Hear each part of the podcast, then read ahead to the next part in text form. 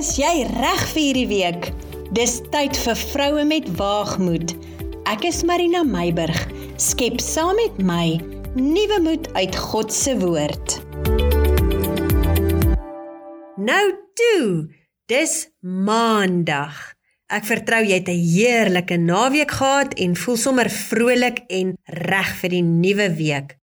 As jy met vakansie is en bietjie inlê vanoggend, geniet dit. Trek die beddegoed oor jou kop en wees so bietjie lui op die eerste maandag van die skoolvakansie.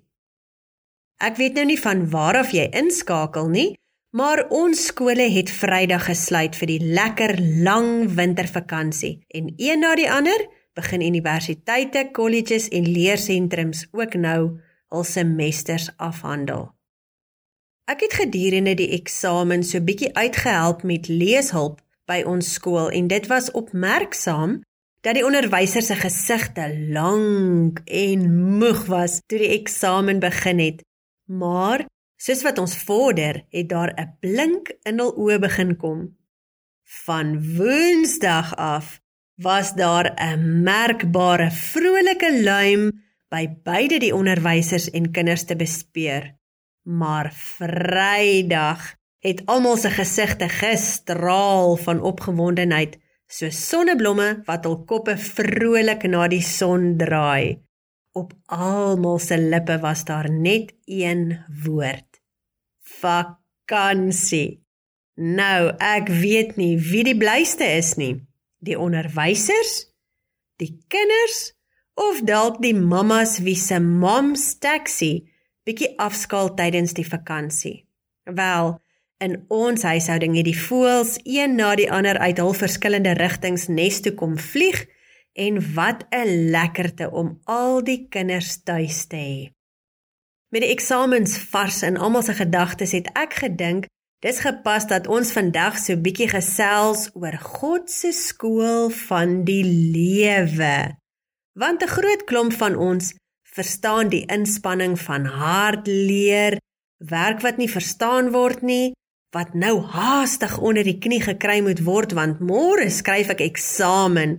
Die druk van moeilike eksamenvraestelle, laat nagte studeer en dan een van twee gevoelens tydens en na 'n vraestel of angstigheid as die vraestel moeilik is en jy sukkel om die vrae te antwoord of tevredenheid as jy die vraestel maklik vind.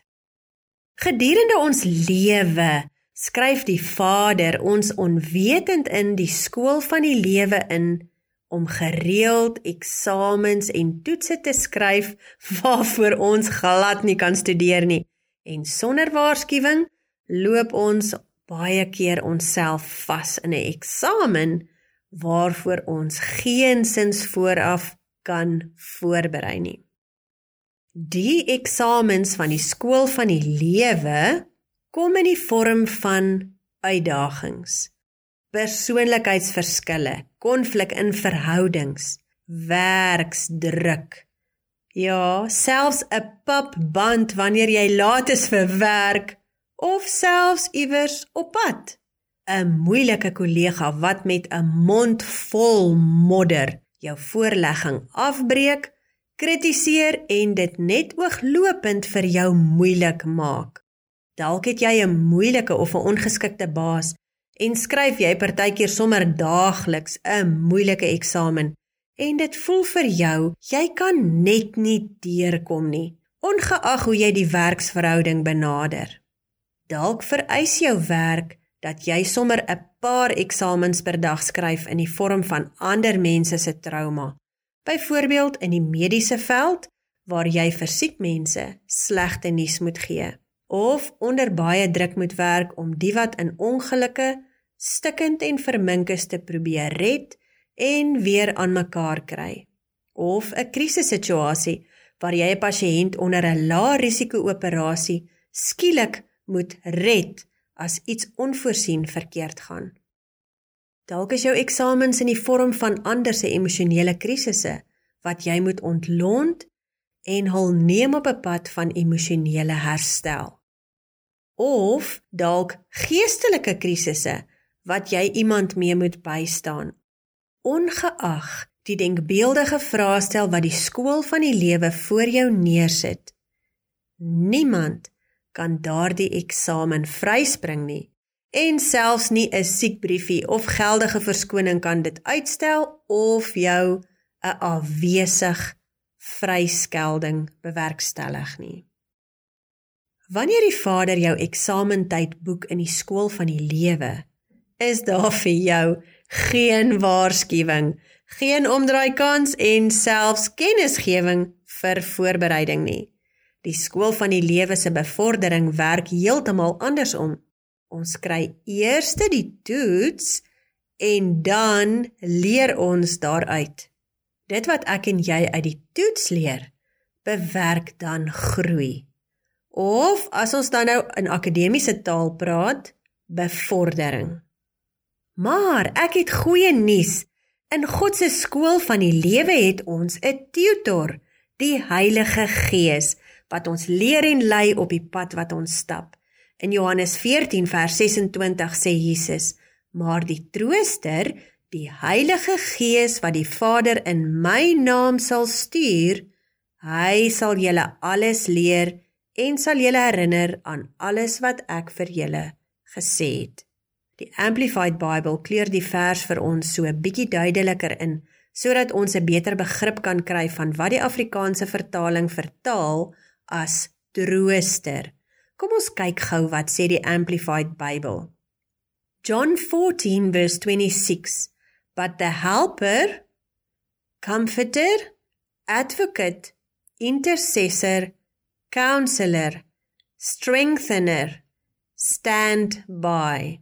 The Holy Spirit, whom the Father will send in my name, meaning in my place to represent me and act on my behalf. He will teach you all things and he will help you remember everything that I have told you.